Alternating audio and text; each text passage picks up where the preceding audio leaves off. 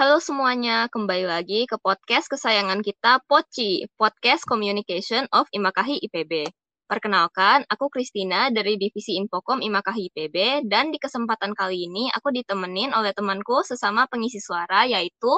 Halo semuanya, nama aku Gaza. Aku berkesempatan nih untuk nemenin Kak Kristin untuk mengisi episode kali ini.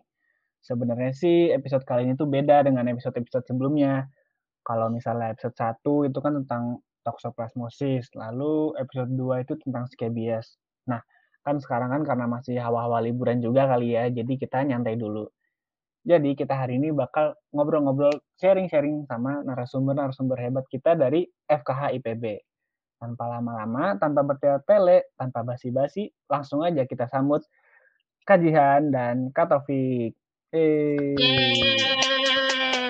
Yeay, halo semuanya. Halo Kak. Halo Kak, gimana nih kabarnya Kak? Alhamdulillah baik. Kalian gimana nih kabarnya? Baik, baik Kak. Baik Kak. Oke, mungkin sebelumnya aku kenalan dulu kali ya.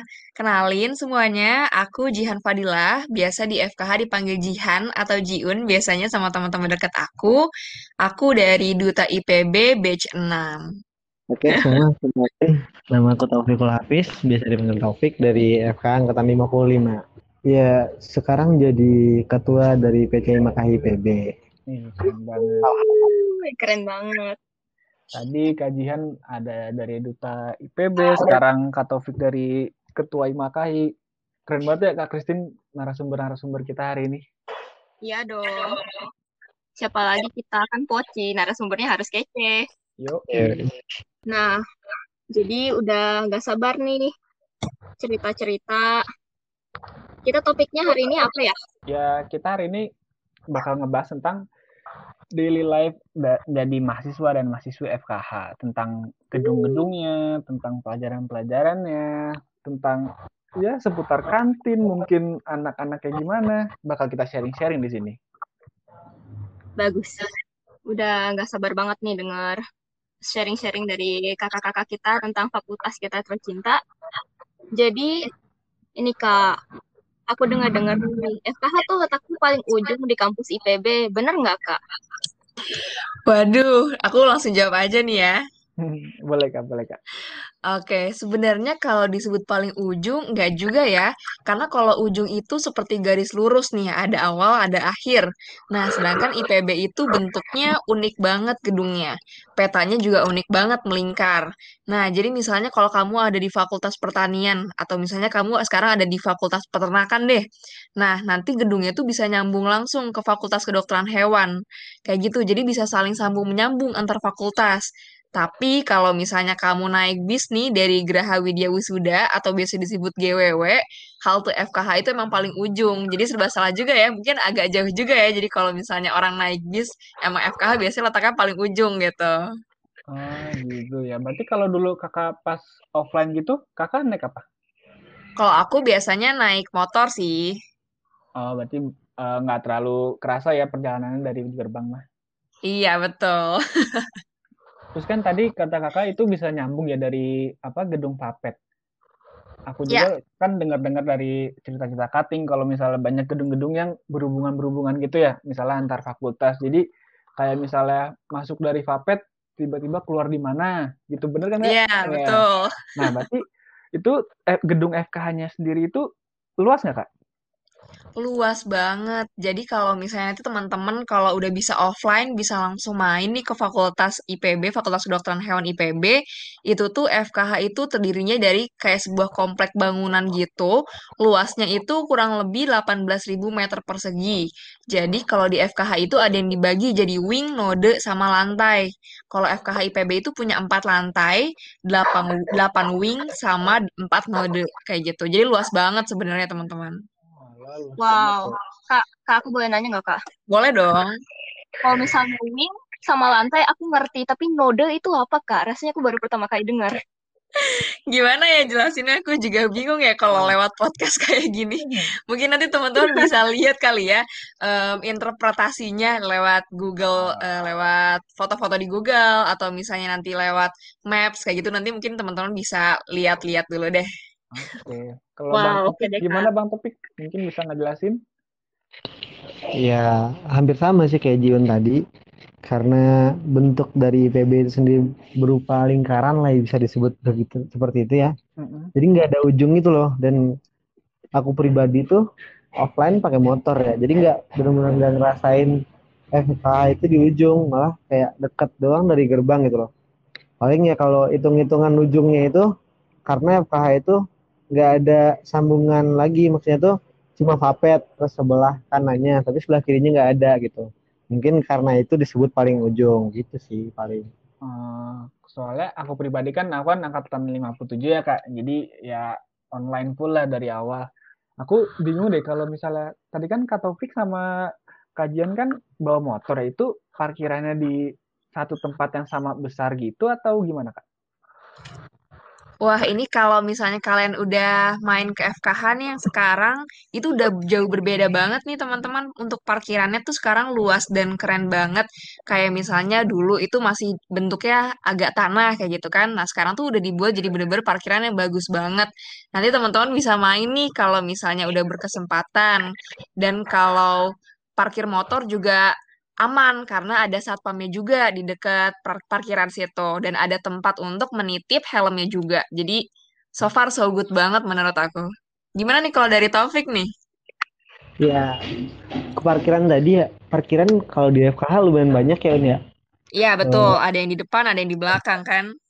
Depan Vapet juga, ada yang langsung di belakang lab anatomi, Iya, ada yang RKA dan insya Allah semua tempat itu aman karena dijaga oleh semua satpam dan selama ini sih aman-aman aja nggak ada kendala kalau soal parkiran alhamdulillah.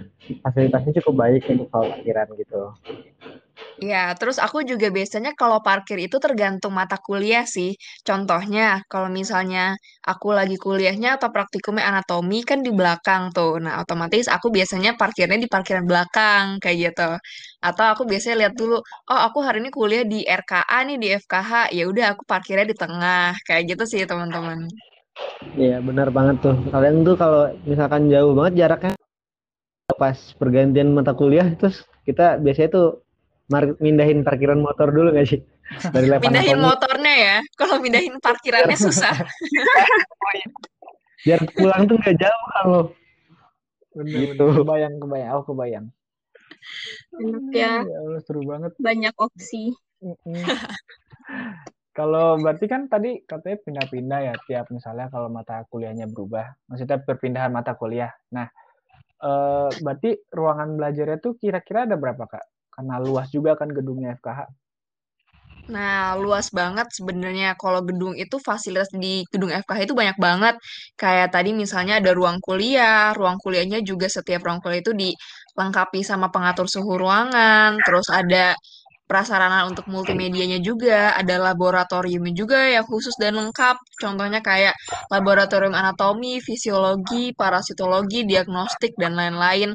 Kalau jumlah ruangan belajarnya itu lumayan banyak. Contohnya ada ruang kuliah ruang kuliahnya itu ada satu ruang kelas besar, terus kapasitasnya juga lumayan banyak, yaitu 250 orang. Terus ada dua ruang kelas sedang, kapasitasnya 150 orang, dan 8 ruang kelas kecil, yaitu kapasitasnya 60 orang, serta ada tiga kelas internasional, kapasitasnya 30 sampai 35 orang. Kayak gitu deh, teman-teman, kurang lebih gambarannya. Oh, berarti satu kelas banyak juga ya? Iya, tapi tergantung untuk setiap mata kuliahnya. Kayak misalnya kalau bareng-bareng itu nanti di kelas di ruang kelas ruang kuliah yang besar yang tadi kapasitasnya besar atau nanti juga bisa tergantung kuliahnya lagi misalnya dalam grup yang kecil kayak gitu itu di ruang kuliah yang sedang biasanya kayak gitu. Aku tuh selama kuliah online eh, sering lah eh, curi-curi tidur gitu pas kelas. Kan kalau kelas offline aku kan nggak kebayang ya. Kira-kira bisa nggak tuh curi-curi tidur pas kelas offline? tidur Curi-curi tidur mungkin bisa nanya Taufikul Hafiz nih kayaknya ya. Waduh waduh. kalau udah yang jelek-jelek saya ya Pencemaran nama baik. ya sebenarnya gimana ya ada yang bisa tergantung kelas sama tergantung dosennya juga sih sebenarnya Hmm. walaupun kadang tuh walaupun ruangannya gede ruangannya besar tapi dosennya itu bakal merhatiin kita semua tetap gak bisa gitu. dan walaupun Oh, ada ruangannya dosennya. kalau dosennya ngebiarin ada beberapa dosen tuh yang pengertian banget gitu loh. Yang kayak oh pasti ini mahasiswa ngantuk nih gitu. Jadi dibiarin ada juga kadang. Kan ya, jadi sebenarnya sih tergantung keadaan tergantung dosennya juga dan lebih baik jangan tidur deh Oke, kalau Ya. misalnya mungkin tambahan kali ya dari aku nih, sebenarnya kuliah di FKH itu kalau misalnya offline tuh sebenarnya nyaman banget teman-teman karena ruang kuliahnya itu dingin dan gak ada ruang kuliah di FKH yang gak dingin. Semua tuh asalnya dingin banget. Jadi nyaman banget kan. Makanya kayak tau kayak Taufik tadi mungkin sampai terlalu nyaman jadi tidur gitu kan pas lagi kelas. Nah, online sekarang pun kayak kasihan banget ya nyesel banget dulu kenapa pernah tidur ya gitu ya Bener, kerasa banget kayak ternyata dulu tuh seru banget. Tapi mungkin pas lagi kuliahnya itu kadang kalau tergantung dari dosennya tadi yang dari Taufik bilang. Tapi ya sebenarnya nggak baik juga ya kalau kita tidur. Tidak ada yang membenarkan hal itu juga Iya, ya. iya, siapa? Cuman biasanya dari dosen misalnya kita lebih baik daripada kita main HP atau kita ngobrol segala macam kayak gitu. Jadi kadang ada yang membiarkan, tapi ada juga yang menegur kayak gitu. Ya tapi sebagai mahasiswa yang baik, mungkin seharusnya lebih baik ya kita memperhatikan. Karena kapan lagi kan ternyata pas lagi kayak gini lagi online ternyata offline itu kayak ya sayang banget kalau kalau tahu gitu dulu gue melek terus gitu kan. benar benar benar. Terus kalau misalnya kantin kak kantin kan kalau di PB itu kan nama kantinnya eh, warna-warna ya kak. Itu kalau kantin FKH tuh namanya apa? Dan kira dan isinya tuh apa aja tuh? Enak nggak Kalau kantin di FKH itu namanya Cafe Ungu. Keren banget ya, sering disebutnya juga Cafung, kayak itu singkatannya. Hmm, Makanan juga beragam banget sih, bisa makan bakso, kue tiaw, nasi goreng, atau kalau teman-teman laki-laki yang biasanya lapar gitu kan, makannya nasi padang juga ada. oh ada kak Terus, iya ada dong. Terus ada minum-minuman juga, es krim juga. Nah, kenapa sih tadi namanya Cafe Ungu? Kayak yang udah Gaza sebutin nih, kalau misalkan di IPB itu kan setiap fakultas punya warna sebagai ciri khasnya masing-masing. Nah, FKH itu ciri khasnya warna ungu, makanya nama kafenya Cafe Ungu gitu. Kenapa tuh Kak FKH warnanya warna ungu? Mungkin itu dari pertama kali terciptanya kali ya, karena pertama kali itu jadi dulu tuh awalnya di F, di IPB, IPB itu kan awalnya sejarahnya dari FKH, dari sorry dari Universitas Indonesia pertamanya itu. Dan menjadi IPB itu setelah pindah kampusnya ke Bogor. Jadi pertama kali itu di IPB itu ada lima fakultas untuk pertama yang awal. Ada Fakultas Pertanian, Fakultas Kedokteran Hewan, Fakultas Perikanan, Fakultas Peternakan, sama Fakultas Kehutanan. Nah, mungkin awalnya dari situ terinisiasinya warna-warnanya kayak yang mencirikannya seperti kayak Fakultas Pertanian kan warnanya hijau karena pertanian, Fakultas Perikanan warnanya biru karena mencirikan air atau laut sama aja mungkin dengan Fakultas Kedokteran Hewan warnanya ungu kayak gitu. Oh gitu ya Kak. Betul. Ada, ada sejarah FKH sedikit tuh yang teman-teman 57 yang belum intravena boleh dicatat karena nanti bas- pasti bakal kepake tugasnya. ya, ya kak Dan emang warna ungu ini ya teman-teman warna ungu ini logonya memang melambangkan warna kebanggaan veteriner kayak gitu. oh iya deh kayak Karena- juga ungu ya semuanya ungu Iya ada. Jadi pengen cariin semua baju ungu yang aku punya dipakai dengan bangga. Betul. Nah, Kak, kembali lagi nih ke kampus kita. Kalau misalnya di FKH itu tempat nyanto yang paling enak di mana ya, Kak? Oh, sebenarnya tempat nyantuy en- banyak banget sih. Mungkin nanti Taufik bisa nambahin ya, yang sering-sering nyantuy kan biasanya.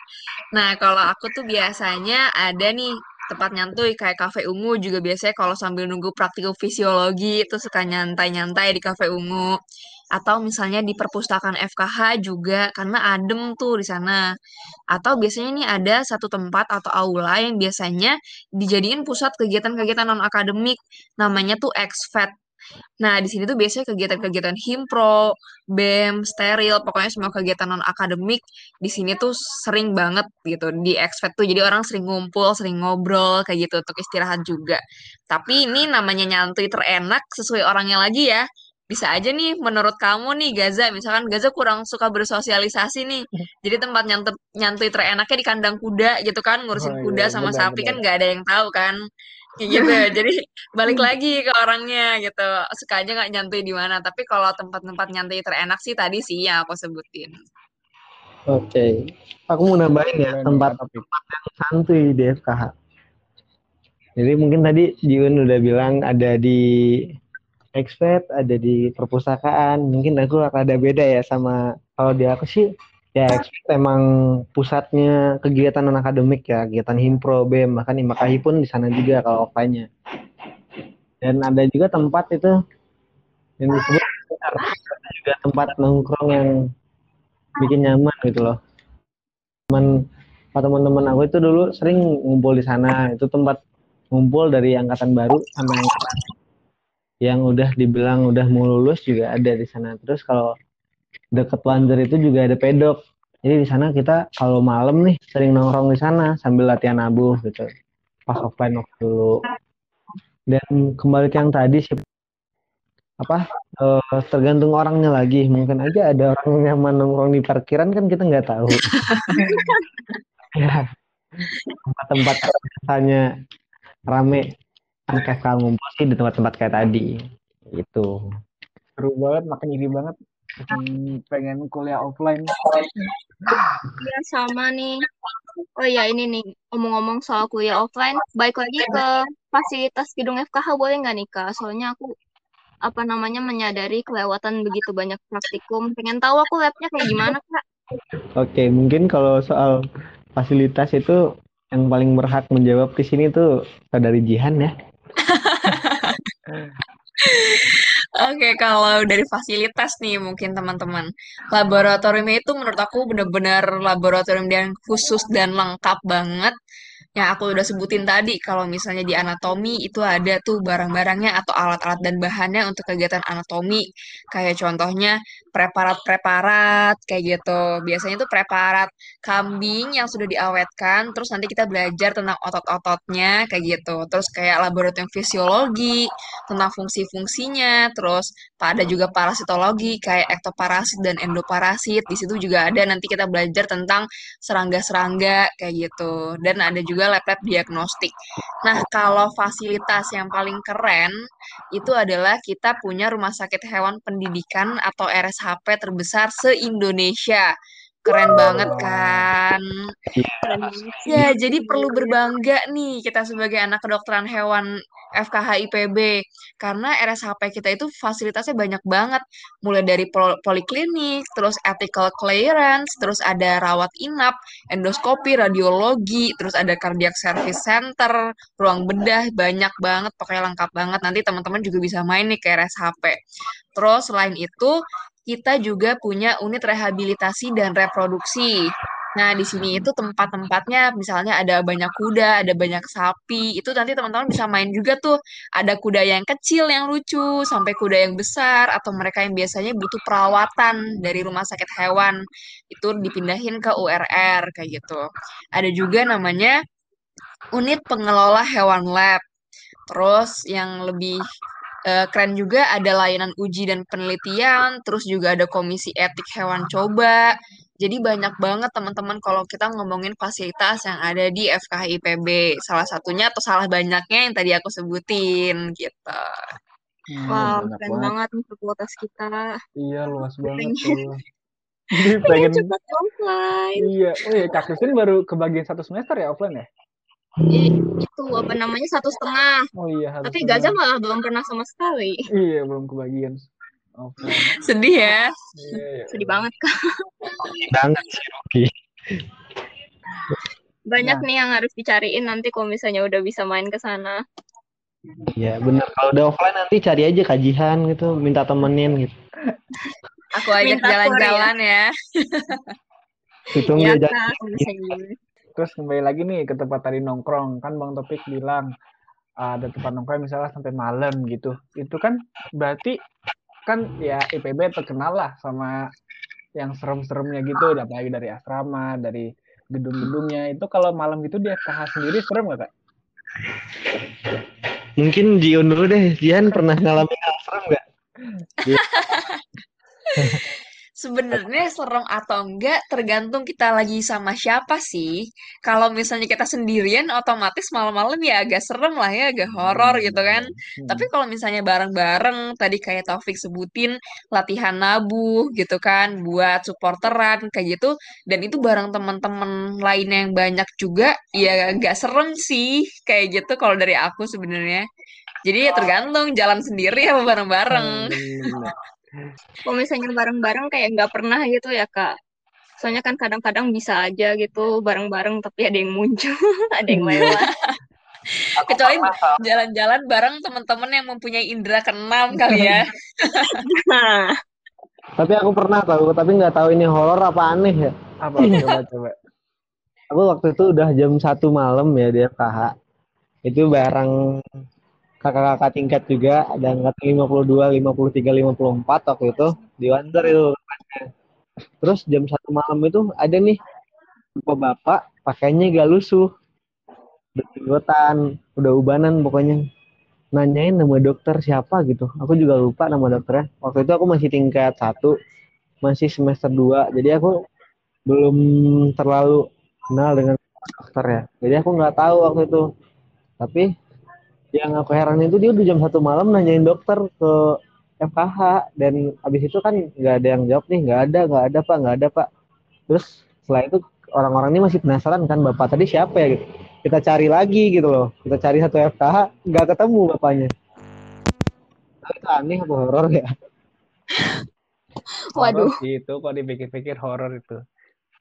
Tapi kan kalau misalnya fakultas kedokteran nih kan seremnya mungkin eh, ya tengkorak apa gitu. Kan kalau misalnya FKH aku bayangannya masa preparat kambing jalan atau apa kan nggak serem ya jadinya. Preparat sapi jalan Preparat ya. sapi. Tiba-tiba Tapi ada juga loh, ada juga tengkorak manusia di lab anatomi tahu.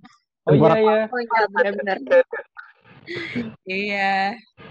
Tapi yang lumayan serem juga nggak sih udah diformalinin kok bisa jalan-jalan. Berarti ya relatif lah ya bisa serem bisa enggak. Iya, betul. Oh iya Kak, tapi itu kok bisa sih Kak apa namanya di FKH sampai jam satu malam gitu ngapain aja Kak biasanya? Wah, tanya ha Taufikul Hafiz ini sih ya kalau sampai jam satu malam ya. sebenarnya sih kegiatannya banyak ya di FKH yang namanya anak FKH itu orang-orang tuh udah paham aja ya terkenal dengan laporan lah jadi biasa tuh kita bikin laporan bareng-bareng dulu terus mungkin nanti setelahnya latihan terus itu ngegame apa kayak gitu. Kadang tuh ada beberapa kali yang nginep kadang di FKH terus subuh-subuh balik tuh mandi ke kosan. Oh kalau nginep Nginepnya gitu di mana? iya gimana kak? di Wanzer. Di Wanzer itu ada ada bantal. Oh Wah, lumayan enak lah gitu. Tapi maksudnya sama sama satpam pun dibolehin kan ya di situ. Iya boleh. Apalagi harusnya sih lebih membantu satpam ya kita ya. Jagain. ya juga kan. Kalau sendirian satpam kan seru juga. Tapi di FK beneran seru kok. Kita ngejain laporan bareng gitu sampai tengah malam. Apalagi itu udah mau mepet-mepet Omi nih. Itu kan anak-anak semuanya yang ngedi nge ngebikin apa seperti untuk supporteran Omi itu bisa sampai subuh itu ramean seru asli Iya, Omi bener ya. Nggak kerasa Wow. ya kita Ominya online. Iya. sedih banget. Kak, boleh nih Kak, mumpung udah di topik Omi gitu, kayaknya anak-anak FH tuh solid banget ya supporterannya. Gimana nih Kak? Ada cerita-cerita seru? Cerita seru ya sekitar supporteran sih hampir rata-rata seru semua ya. Walaupun kita hanya tuh kita kan minoritas nih cuma satu fakultas satu departemen gitu. Tapi ya berdasarkan apa slogan kita minoritas tak tertindas walaupun kita dikit kita nggak mau ditindas gitu. Jadi kalau kita sibuk dengan laporan tuh malamnya kita supporteran lagi habis supporteran kita bikin laporan lagi. Jadi tuh ada satu kali itu di tahun 2018 tepatnya itu gue masih ting gue masih tingkat satu dan masih semester 2 kayaknya ya. Jenderal 53 itu sampai eh pingsan habis supporteran karena bisa dibilang karena kecapean kali ya. Ya dibayangin aja siangnya kuliah terus sorenya sampai malam supporteran terus malamnya ngejar laporan dan tidurnya kurang dong gitu tapi dari sana tuh yang ngebangkitin semangat anak-anak lagi gitu. Kayak ini aja udah general aja udah mati-matian buat ngebanggain FKH masa saya itu kita, kita enggak? gitu. Makanya dari situ makin rame makin kompak aja gitu.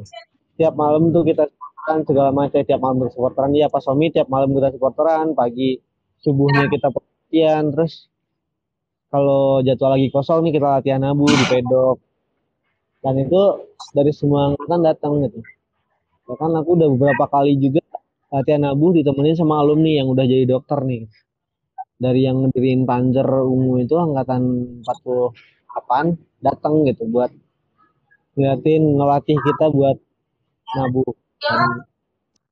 Wah, keren banget ya. Ya ampun, dedikasinya alumni-alumni FKH bahkan sama anak-anak FKH. Aduh, jadi bangga banget rasanya di FKH. Padahal aku belum ikut supporteran.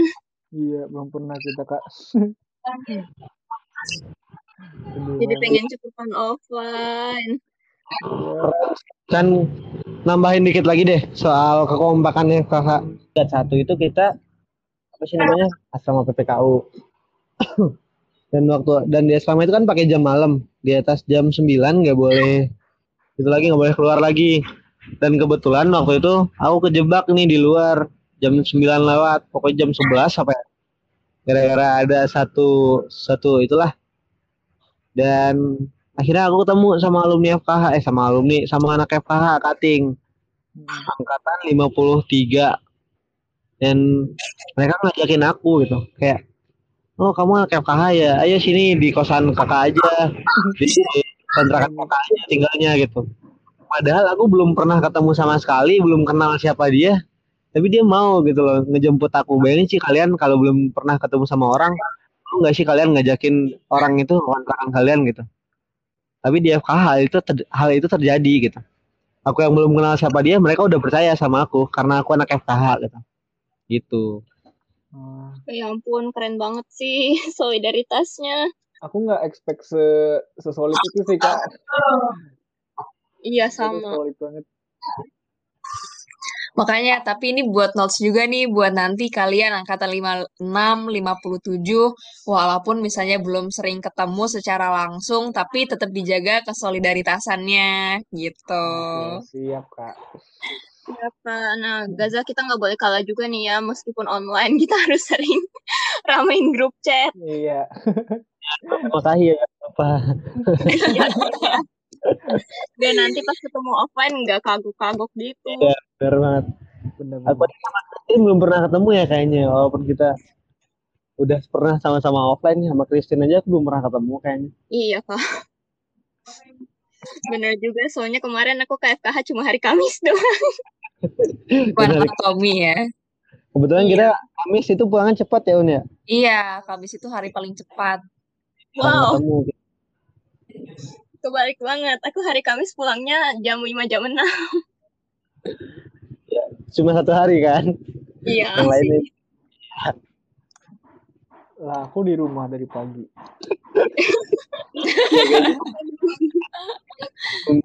sendiri Nah, ini Kak, baik lagi Kak kalau misalnya ngomongin ke gedung FKH. Kalau misalnya kelebihan gedung FKH dibanding gedung yang lain gimana Kak? Boleh dong sombong dikit. Oke, kalau tadi mungkin udah aku sebutin juga dari segi fasilitas ya, makanya kayak kita perlu bangga nih jadi anak FKH IPB. Karena kelebihan gedung FKH dibandingkan gedung yang lainnya, gak ada fakultas lain yang punya rumah sakit sendiri, cuman FKH doang. Bener-bener. Betul, harus bangga banget. Dan kerennya juga F, em, RSHP-nya itu terbesar se-Indonesia. Dan kita juga punya tadi, punya URR atau unit rehabilitasi reproduksi. Itu letaknya ada di kandang belakang nih kalau misalnya nanti teman-teman main. Walaupun letaknya terpisah dari fakultas, tapi em, itu salah satu dari fasilitas yang fakultas kita punya.